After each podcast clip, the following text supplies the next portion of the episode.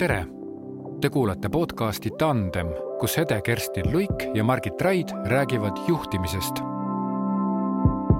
tänases episoodis äh, räägime sellest, kuidas äh, tandem üldse tekib ja milliseid erinevaid tandemeid juhtimises ja elus ette tuleb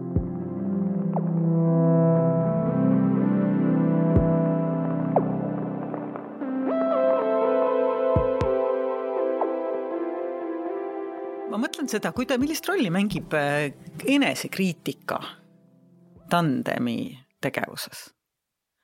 milline on see usalduse level, mis peaks äh, tandempartneriga olema?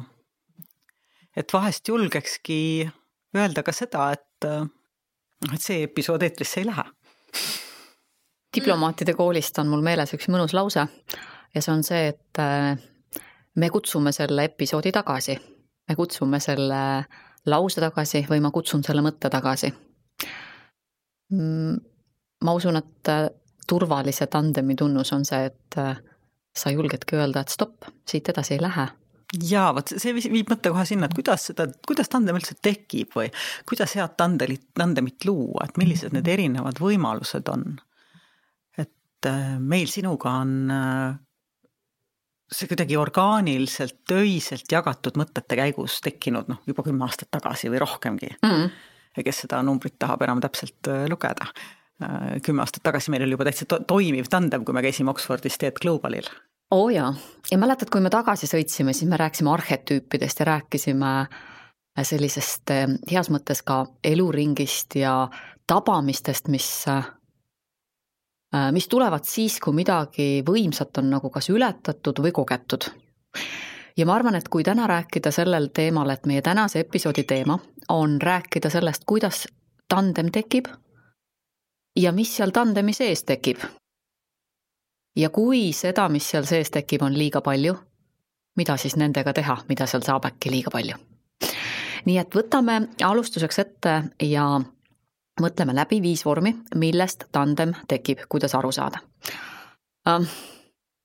esimene ja võib et kõige julgem viis äh, tandemist rääkida on, tandem tekib intuitiivselt ehk me ei tea ega ei saa isegi aru, ei teadvusta endale, et tandem on tekkinud. ehk on tekkinud usalduslik töösuhe, on tekkinud julgus jagada ja on tekkinud soov läbi jagamise ise rohkem kogeda jaa, ja minu kogemuses see on vast ka kõige levinum viis. et kui ma mõtlen äh, tandemeid enda elus, enda tööelus äh, ja tandemeid enda ümber, siis noh, statistikat pole teinud, aga julgeks öelda, et enamus neis on tekkinud just nimelt sellelt intuitiivselt tasandilt, mis sa räägid. et on äh, ühe inimesega rohkem klappi, on rohkem asja ajada mm võib-olla on rohkem selgeks rääkimise vajadust, võib-olla see polegi alguses selline noh, sujuvuse pealt tekkinud intuitiivne tandem.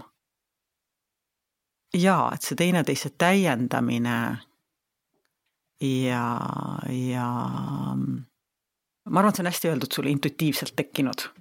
tead, aga mul on seal kohe, kui ma mõtlesin intuitsiooni peale, mõtlesin ma selle peale ka, et aga ütle, mis siis saab, kui üks tunneb, et see on jube lahe aga teine seda vastu ei võta. näiteks see tandem on talle liiga koormav. no ma tahaks loota, et ta suudab seda siis ka nagu välja öelda, et ma rohkem ei jaksa sinuga siin arutada. tavalisem praktika on pigem see, mida date imismaailmas võib ghosting nimetada. et ähm, inimene kaob ära et kui üks on oma meelest äh, heas äh, intuitiivses tandemi kontaktis ja teine tunneb, et see on tema jaoks koormav, siis vähemasti minu kogemuses see, mis ma praktikas näinud olen, on see, et see teine kaob ära äh, ei jõua tagasi helistada. kõne satub kohtumiste aega, kiri võib-olla jääb, saab lühikese vastuse, et kipub selline noh, just nimelt äh, eemale imbumine. aga mis see võib tähendada siis seda ka, et see tandem ei olegi liiga hea? see polegi tandem minu, minu vaates, et see on võib-olla ühe poole soov äh, kontaktiks, mentorluseks, tandemiks, aga kui teine sellega kaasa ei tule, siis tast ju tandemit ei saa. et nii nagu me omavahel arutanud oleme, kuidas, kuidas mulle tundub, et me sinuga mõlemad seda tandemit näeme, et seal on see vastastikuse element. seal on jagamine ja peegeldus ja saamine ja andmine mõlemas suunas. et mina julgeks tandemsuhteks nimetada seda viisi, kus üks annab, annab, annab, teine võtab, võtab, võtab või kus üks õpetab, õpetab, teine õpib, õpib et see ei ole minu jaoks tandem. Need on teist tüüpi diaadid, teist tüüpi paarid. jaa, lihtsalt ja, jaa, väga kõnetas mind see mõte mind kõnetas ka see mõte, et äh, kui ma tandemit teen, siis ma lepin ikkagi alguses kokku, et kuule, kas sul on aega. ja kui sa oled mulle öelnud, et sul on aega, siis uh, no kidding, sul päriselt siis on aega ja ma siis ei vaidle ja siis, ja siis, ja siis see kiri, et mul ei ole aega, siis see ei tööta, ehk et tandem, selleks, et see isegi intuitiivne tandem oleks äh,, äh, oleks jõus ja väärt, on, ta vajab ikkagi alguses kokkulepet. jah, kui mitte alguses, siis, siis sellel hetkel, kui sa märkad mm, -hmm. et seal on mingi jätkuv suhe või mingi vajadus, äh, siis jah, ma, ma olen sinuga hästi nõus, et äh, nagu igasuguses suhtes äh, hea on mänguväli ära piiritleda selgesõnaliselt, et mis see asi siis on, mida me koos ajame ah,. see on see igipõnev, igipõnev lause ikka, et see loovus ja kord käivad käsikäes, on ju? ma, ma kuidagi vaatan seda digikevadet ja äh, ja ka siis nagu pandeemia aega ja hästi selgelt tuleb just välja, et loovus ja kord käivad käsikäes, et vaata, kui kord on all ehk kokkulepe on olemas, siis see loovus saab lennata ja siis sa kuulad ja kuulad ja mõtestad kaasa ja nagu tuleb. aga kui, kui kord paigas ei ole ja, või see ei ole vahepeal näiteks ka tolmukord, mis on ära võetud tagasi, siis äh, ei tööta, lihtsalt ei tööta. eks see ongi üks elu paradoks, et ma olen palju puutunud kokku ka seda tüüpi loovinimestega, kes kipuvad seda korda noh, nagu vajadust mingisuguse struktuuri järgi vähendama või alavääristama. ma ei tea, see, see on mingi, võib-olla see on mingi selline poos või mingisugune levinud ettekujutus või stampmõte, et loovus peaks olema midagi, mis saab kuidagi väga vabalt äh, noh, ühesõnaga mulle tundub, et osa inimesi segavad, omavad omavahel ära nagu loovuse ja anarhia mina olen sinuga hästi sama meelt, et äh, struktuur, äh, vundament, alus, mingis mõttes raam on vaja selleks, et raamist eemalduda muuseas, selle struktuuriga sa tõid mind kohe mõtteni, et mis on nagu teine viis, kuidas tandem saab tekkida. ja teine viis on süsteemne tandemi mm -hmm. ellukutsumine.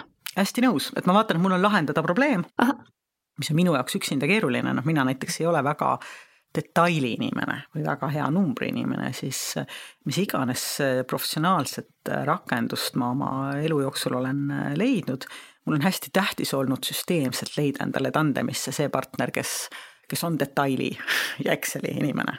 Jaa, ma isegi võib-olla ütlen, et see ei ole niivõrd süsteemne, vaid et äkki see on eesmärgipõhine. Et mul on midagi, kus mul on ei, ikkagi süsteemne. seal on mõlemad pooled, eesmärgist ei saa kunagi nagu eemalduda mu meelest päriselt. Kui me ärist räägime, siis kindlasti. Nõus, et ta teenindab kahte mõtet, eks, nii süsteemselt äh, süsteemselt enda nõrkuse komplementeerimist või täiendamist mm, -hmm. kui ka konkreetse eesmärgi kaudu teineteisega siis ka koos kasvamist ja koos, koos võnkumist, eks. Yeah.. aga minu meelest üks oluline koht, äh, mis mis ma tahan jagada, on see, et äh, süsteemne võib olla ka iseendas olevate väljakutsetega tandemisse minemine. et ma näiteks kutsungi ellu iga kuu või iga kvartal ühe reaalse projekti või eesmärgi, kus ma võtan endale päriselt väljakutseks minna mõnda uut teemat või uut valdkonda kompama ja teha seal mõni tandem, kus võib, et sünnib midagi uut. jaa, see on natuke võib-olla see, mida me ükskord puudutasime Äh, õppejõu ja tudengite kontekstis, et õppejõul oleks abiks, kui ta ise ei kuulu tudengite põlvkonda, tal võiks olla abiks teha süsteemselt tandempartnerlus mõne inimesega, kes kuulub sellesse absoluutselt, absoluutselt, et sa võtad päriselt ja teed enda jaoks ka pisikese väljakutse, et see ei ole võib-olla liiga mugav ja sa oled päris palju ennast äh, teadlik, kui mitte eneseteadlik. ja ja sa võtadki väljakutseks, et vaadata, aga kuidas teine maailm seda näeb või kuidas ma ennast saan rikastada läbi selle, mis teine maailm mulle pakub. Jaa, see on jällegi noh, tööst ju hästi tuttav. et kui sa lähed, kui ma lähen nõustama mm. või koolitama või coach ima inimest teiselt elualalt, siis jah, üks viis on minna oma nii-öelda coach'i kompetentsidelt ja tööriistadelt mulle tundub, et kus näiteks sinu ja minu tandem väga hästi alati töötanud on, on need kohad, kus me tajume ka seda, et ähm, et on vaja seda nii-öelda noh, endale meenutada, et mina ei ole sihtrühm. ja võtta tandempartnerisse keegi, kes on, et ma, ma noh, mis iganes, kui ma insenere või kui ma lähen koodikirjutajaid koolitama mm., nendega töötuba tegema ma ju ei koolita, eks, aga, aga töötuba tegema, siis, siis äh, enne seda ma alati võtan tandemisse mõne koodikirjutaja või inseneri, selleks et äh, natukenegi ennast kalibreerida sinna suunda, mis see projekt või töö must nõuab. et ma ei lähe sinna peale selle noh, oma taustaga ilma tajumata, kes mul vastas on ma tean, ma kuulan sind ja mõtlen äh, meie episoodi kuulaja peale ka, et äh, ilmselt äh, see vaikus, millega ma sind kuulasin, oli täpselt see vaikus, kui ma lasin oma peast tuhandeid ja tuhandeid kontakte läbi ja mõtlesin mm. -hmm, ja vaata, kui palju see toob nagu ühe inimese kallutatud mõtteid meie sisse, kui me võtame ühe kellegi endale rajale kaasa ja kui suur on see vastutus teiselt inimeselt, sest see, mida ta mulle ütleb, see ju hetkel mõjutab minu mängu, millega ma siis lähen nende koodikirjutajate ette. jaa, hästi nõus. ehk et tandemis tahad või ei taha, on see vastutus selle sõna ees ja selle sõnaga loodud emotsiooni ees päris kõrge hästi nõus, mis, mis vastutus, vot see sõna toob mu kohe nagu ühe teise aspekti, mida me oleme kunagi puudutanud mm., aga mis siis, kui sa satud kohustuslikku tandemisse? Eh, hea point, ma arvan, et kui me räägime nüüd tandemist üldse, et kuidas tandem tekib, siis intuitiivne ja süsteemne või eesmärgile orienteeritud tandem on läbi räägitud, vaatame järgmist ja see on just nimelt kohustuslik. mis siis, kui mul on kohustus kellegiga tandemis olla? on sul siin mõni näide endal kogemusest tuua praktikas? on küll, aastate eest tuleb mulle meelde suur organisatsioon, kes liitis äh, äh, suure kasvamise käigus kaks teist organisatsiooni, kes olid väiksed, ehk et ostis konkurendid turult üles. mida võib ka praegu arvata, et toimumas on lähiajal ja aeg võib olla suht sarnane nende olukord, äh, sama, sama situatsiooni kordumisele. Ähm, üles ostetud ettevõttest oli ettevõtte teatud juhtidele lubatud teatud positsioonid edasi uues juhtimisstruktuuris. edasi on mängumaa ainult kõigile, kes saavad aru, mis tähendab kohustuslik tandem mis sa arvad, mis mustrid sealt tulevad? mis mänguilu seal on? kas võimumängus on ilu? Noh, kindlasti narratiivi, kui sa mulle lubad. jaa.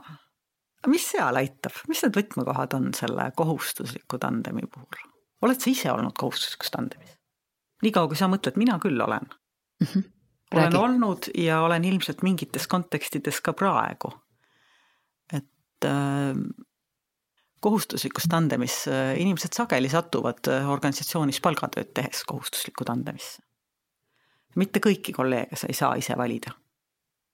sageli ei saa ka oma tiimi valida, et äh, kui ma vaatan juhte oma klientide hulgas, paljud juhiks saades pärivad meeskonna, mitte oh, ei saa moodustada oh, meeskonda.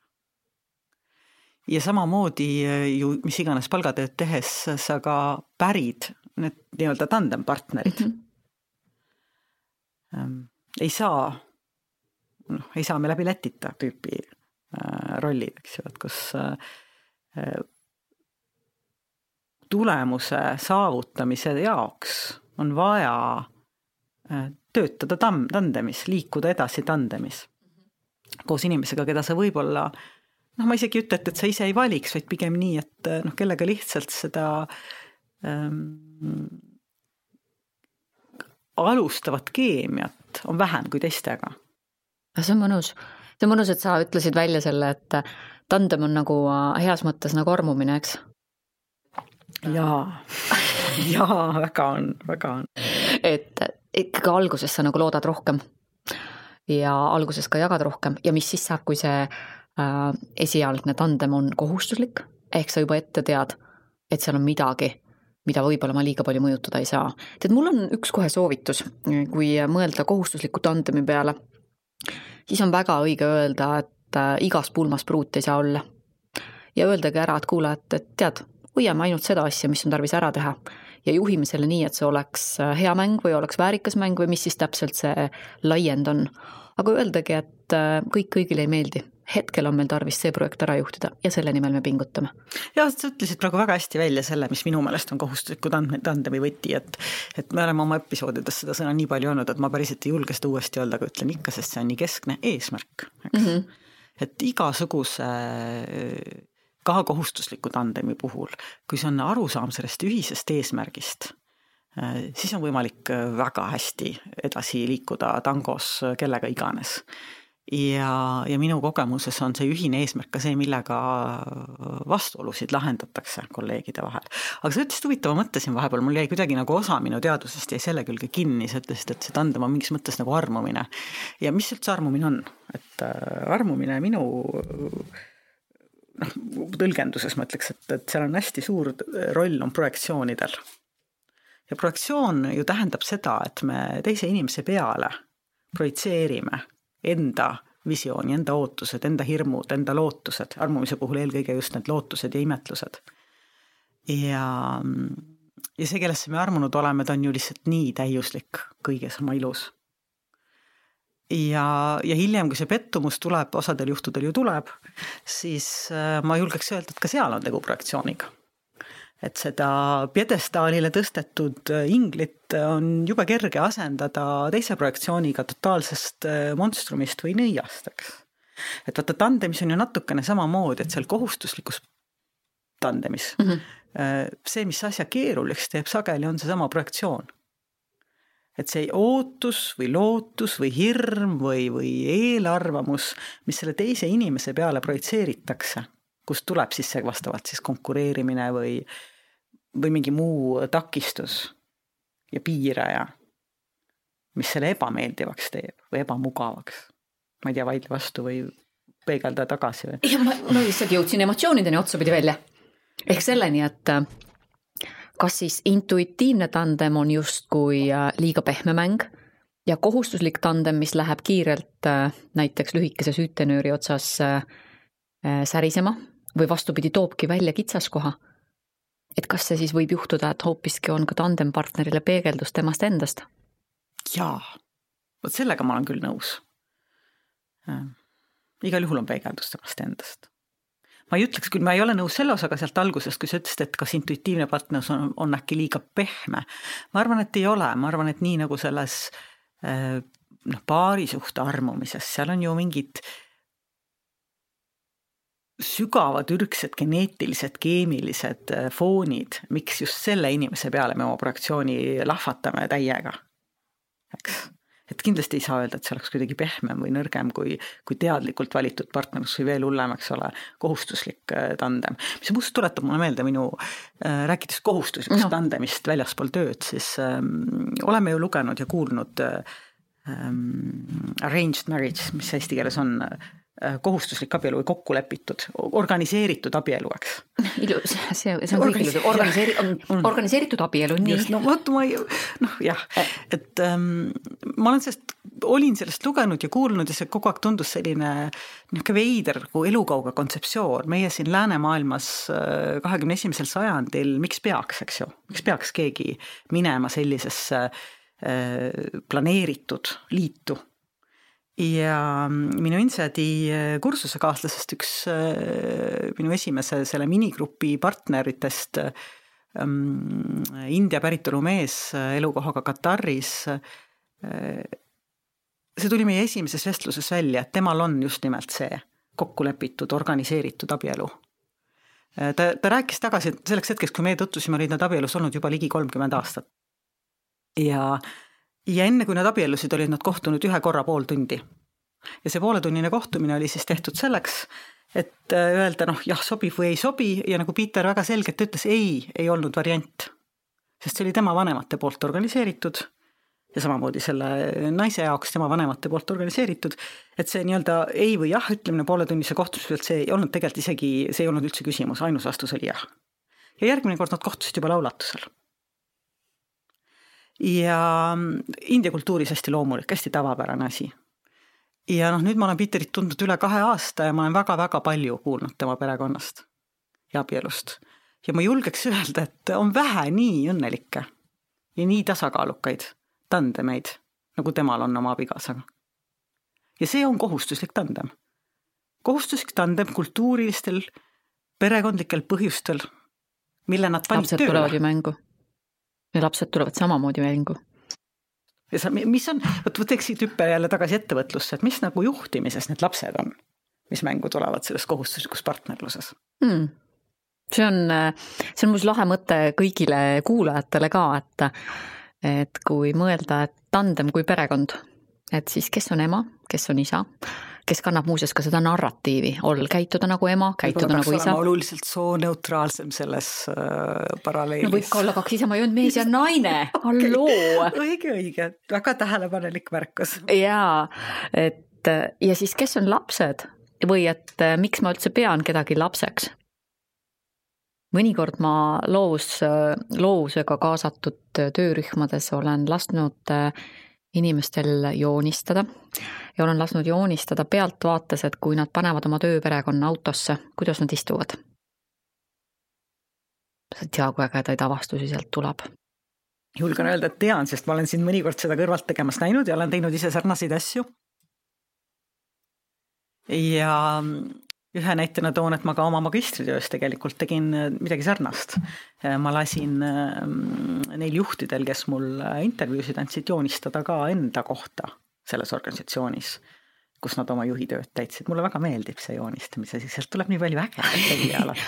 aga äkki teeme siin ühe pausi ja ütleme raadiokuulajale või täna meie episoodi kuulajale, et võta paber ja pliiats ja kui sa tahad midagi tõeliselt lahedat avastada ja sa veel seda teinud ei ole või just oma tänases rollis tahad seda teha, siis joonista pealtvaates, milline on sinu tööperekond näiteks istumas autos või istumas koosolekuruumi taga. ja kui see sul on valmis, siis oleme meiega pausilt tagasi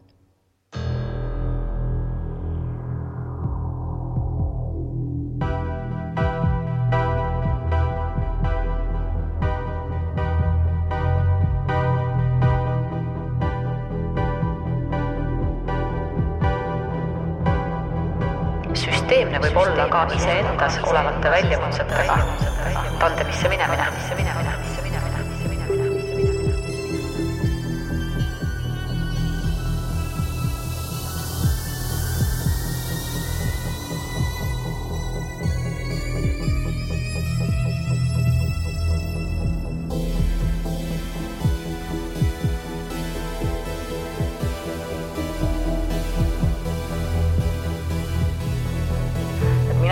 Tandem suhtes nimetada seda, seda viisi, kus üks annab, annab, annab, teine võtab, võtab, võtab või kus üks õpetab, õpetab, teine õpib, õpib, õpib,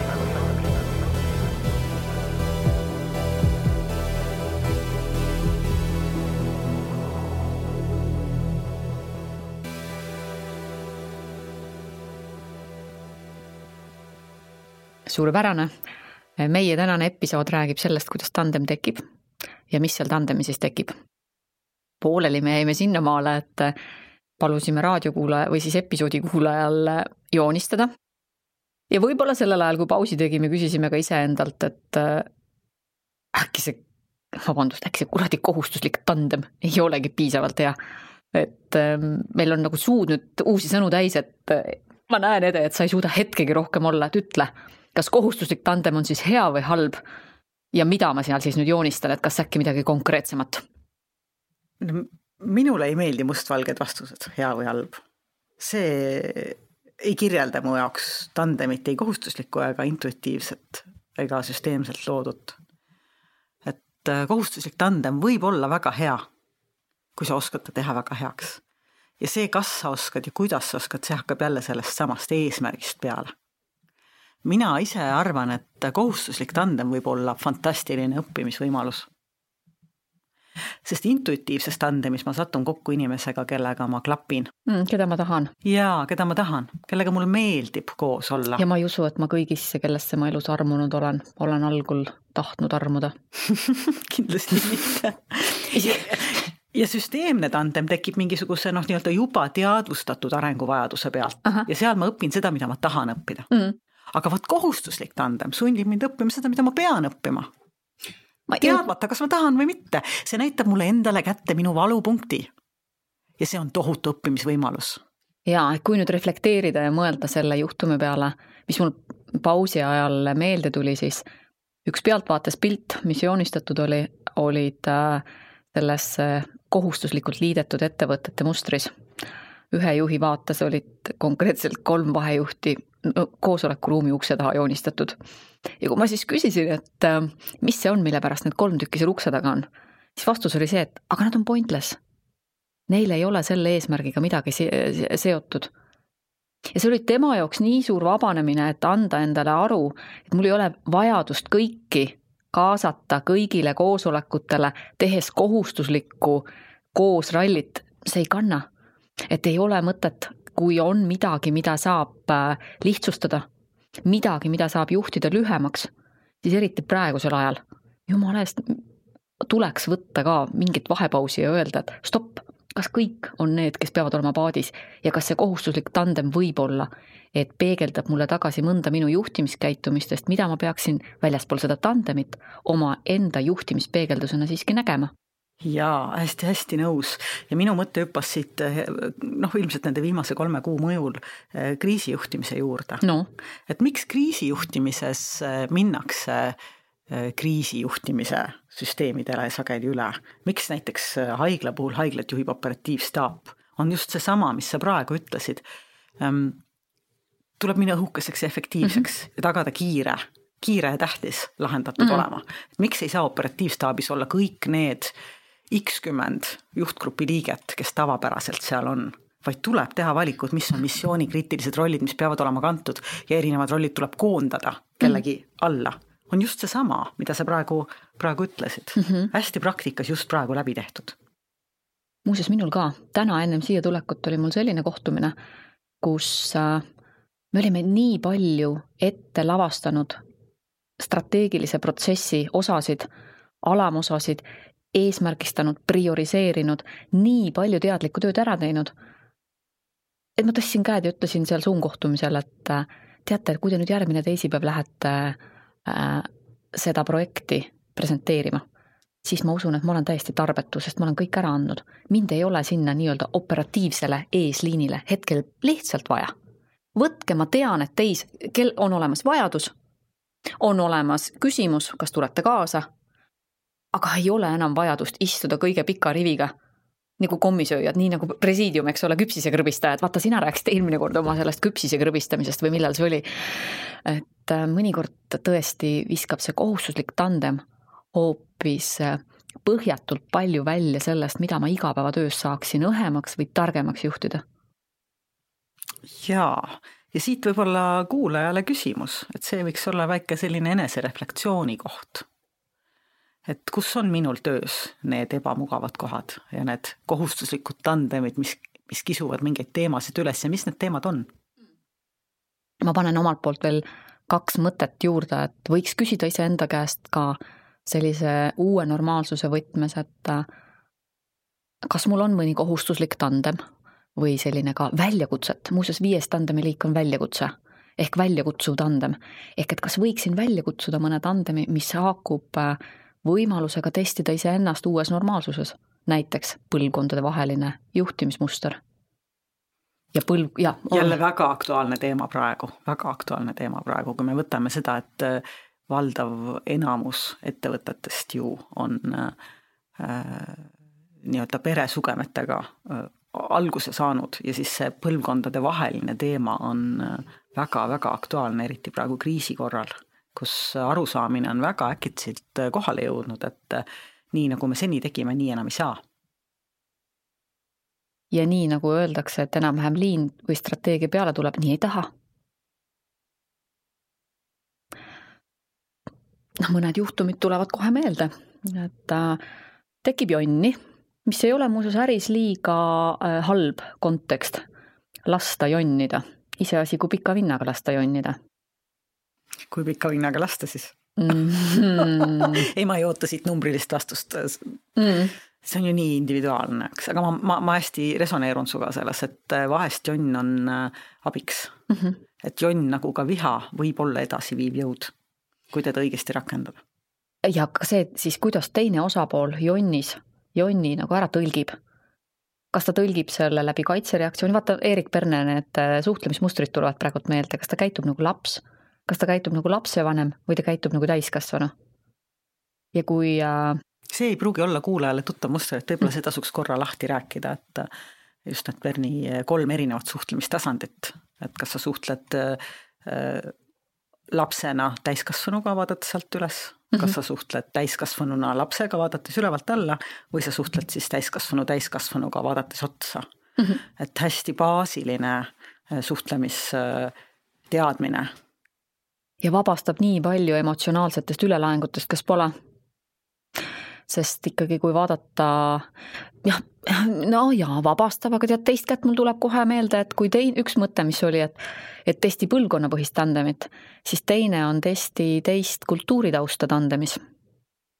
ja sealt tuleb muster, kus äh, ma ütleksin, et Erik Perne ei ole kõiki rahvuse kultuuri eripärasid arvesse võtnud, kui ta selle teooriaga välja tuli ja ega meie kogemus siin alati, kogemuses siin alati ei ole ka neid erikultuuri taustu nii palju võtta.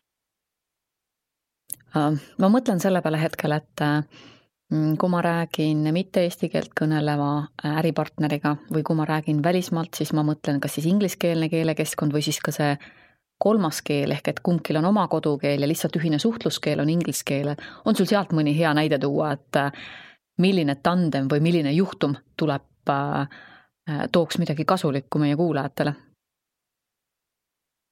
oh jaa, mul tuleb hästi mitmeid äh, Skandinaavia suunalisi tandempartnerlusi pähe. Eesti juht siin, Rootsi juht seal mm. või Eesti juht siin, Norra juht seal. Ähm, veel keerulisemad on need, et äh, Eesti juht siin ja näiteks USA päritolu juht samuti siin. et neid äh, kogemusi on ju päris palju, ähm, kus see kultuuritausta mittetundmine on absoluutselt äh, hävitav, eks. et noh, skandinaavlaste omavahelisedki erinevused on väga suured, aga kui võtta puhtalt nagu selline Eesti versus Rootsi, siis ähm, võib teha lõputuid neid nalju, mida lätlased eestlaste kohta teevad äh, meie äh, kuuma aegluse kohta. aga minu kogemus äh, Rootsi juhtidega töötades kipub olema see, et no me oleme ikka nagu tulesäde otsustamiste ja elluviimiste ja tegus, tegutsemiste juures võrreldes Rootsi konsensusliku, kuulame kõik ära, venitame kummi, kuni lehmad koju lähevad. aga mis sa arvad, see oli ainus põhjus, mille pärast nad äh, kriisiolukorras otsustasid ka mitte üldse hakatagi otsustama oi, ärme sinna parem lähe, aga ma, jah, ma kuulen, ma kuulen sinu mõtet tagasi teemasse, et äh, igal juhul on tandemis äh, tark Äh, endale luua ka väljakutseid. et intuitiivne tandem on justkui midagi, mis on nii äh, loomulik ja tavapärane, et me võib-olla ei teadvusta seda liiga palju võiks teadvustada, võiks rohkem tead-, teadvustada ka seda, mis, mis nende eri tüüpi tandemite nagu eesmärgid või väärtused või kingitused on ja selle intuitiivse tandemi üks kingitusi, ma arvan, et on turvalisus. et ta annab turvatunnet ja ta annab seda kindlust juurde, mida ka väga paljud vajavad, et üks episood me rääkisime kahtlemise kasulikkusest ja, ja tuli, tuli lauda see nii-öelda, et kas äkki Eesti juhid on liiga kõhklevad. siis ma arvan, et see intuitiivne tandem on üks asi, mis võib seda kõhklevat juhtimisstiili vähendada ja turvalisust ja julgust juurde anda. Et vot samamoodi on igal sellel eri viisil loodud tandemil noh, mingi oma kingitus või mingi oma eesmärk, mida tasuks teadlikult otsida ma olen sinuga nõus ja ma kukkusin korraks teemalt maha. ma pean kuulajale ausalt üles midagi tunnistama. me alustasime oma tandemi äh, episoodidega siis, kui me, mis, ahah, siis kui me rääkisime Zoomis ja kumbki oli äh, oma kodus, tähendab, kõik olime oma kodudes ja püüdsime võrdlemisi hästi ja äh, võrdlemisi hästi hakkama saada selle kaja ja kõminaga, mis meie ruumide ümber oli. ja meie co-host Uku oli loomulikult äh, ikkagi maksimalist, püüdis küll parimal viisil välja keerata seda heli, aga nii hästi meil alati ei läinud. ja nüüd, kui äh, piirangud pandeemia ees on leevenenud, siis me oleme nüüd äh, juba mitmendat episoodi järjest stuudios mikrofonide taga ja hea kuulaja, palun saa aru, et need mikrofoni lätakad on täpselt sama suured kui pool meie nägu. ja kui äh, me räägime Hedega, siis ma näen ainult tema ühte silma ja tema näeb minu ühte silma. ja seda ka ainult siis, kui ma kallutan pead. ja siis me oleme nagu kaks kallutatud ühesilmalist siin selles stuudios. ja, ja see sõna tandem ja teineteise täiendamine või komplimenteerimine, et kui sinult on üks silm ja minult on teine silm siis see on kuidagi minu meelest väga sügav narratiiv, et korraks ajul lasta puhata ja mõelda, et pagan küll, ma näen ainult ühte silma pidevalt ja püüan äh, seda teist silma juurde mõelda. ja siis äkki ma tabasin, et aga äkki kogu tandem on ka see, et äh, üks pool minust võiks olla see, mis otsib pidevalt vaba radikalina. jaa, jaa, see on hea metafoor, mulle meeldib see millest me täna veel rääkida tahame? no me, me, me lubasime saate alguses, et me räägime, kuidas tandem tekib mm. -hmm. et äh, võib-olla võtaks siia lühikese nii-öelda kokkuvõtte, et aga kui inimesel nüüd huvi tekkis, et mida me talle soovitame, kuidas tekitada tandemit? et kuidas aru saada, millist tandemit ta võiks täna vajada ja kuidas siis endale seda looma hakata, et äh, et siis mõned nõuanded, eks? jaa. me ikka oleme lubanud väikse õpiampsu või mingi kasutatava, rakendatava vaatenurga ka. lahe võiks olla esimese mõttena soovitada välja, et äh, on sul endale kirja pandud soovitud seisund. ja soovitud seisund näiteks mõne tööalase muutuse või tööalase väljakutse osas mingi ajaperioodi peale. eriti nüüd, kus äh, kriis on toonud nii lähedale selle teadmise, et väliskeskkonna muutus on äh, määramatu kestvusega meie eriolukorra tingimused on küll nüüd leevenenud, aga küsimus iseendale, et kuidas äh, püüda siiski periodi-, periodiseerida sellist soovitud seisundit, kus sees oleks ka sõna kas muutus või muutumine või muudatus. ja ma soovitan, et võib-olla võiks olla seal üks post-it'i hunnik, et kirjuta mõnele post-it'ile mõned soovitud seisundid. Ja kui sa oled nad endast välja kirjutanud, siis proovi vaadata neid natuke kaugemalt ja vaadata, kas sa näed mõnda mustrit too kuulajale üks näide ka, et ta saaks paremini aru. soovitud seisundist? jaa. et ma näiteks tahan, et sügiseks on et sügiseks ma olen välja töötanud mõned, näiteks, et ma olen sügiseks, mis siin mõned, kolm konkreetset juhtimismeetodit, mida juhtimismeeskondade peal pilotiseerida. ja ma mõtlen näiteks ühe soovitud seisundina, et ma üheski neis ei tahaks olla ainult iseenda mõtete kunn ja ma tahaks päriselt võtta kaasa kellegi välise abi või välise nõuandja või välise tõukaja, kes aitab mul asjaga kaasa mõelda. aga ehk siis näiteks, kui ma mõtlen mõne oma konkreetse kliendi peale, kui tal on soov saada paremaks kuulajaks mm -hmm. ja ta paneb selle ühe soovitud seisundina kirja, et siis ta võiks otsida kellegi endale tandempartnerisse, kes aitab tal selles teemas kasvada. näiteks. Või mõelda.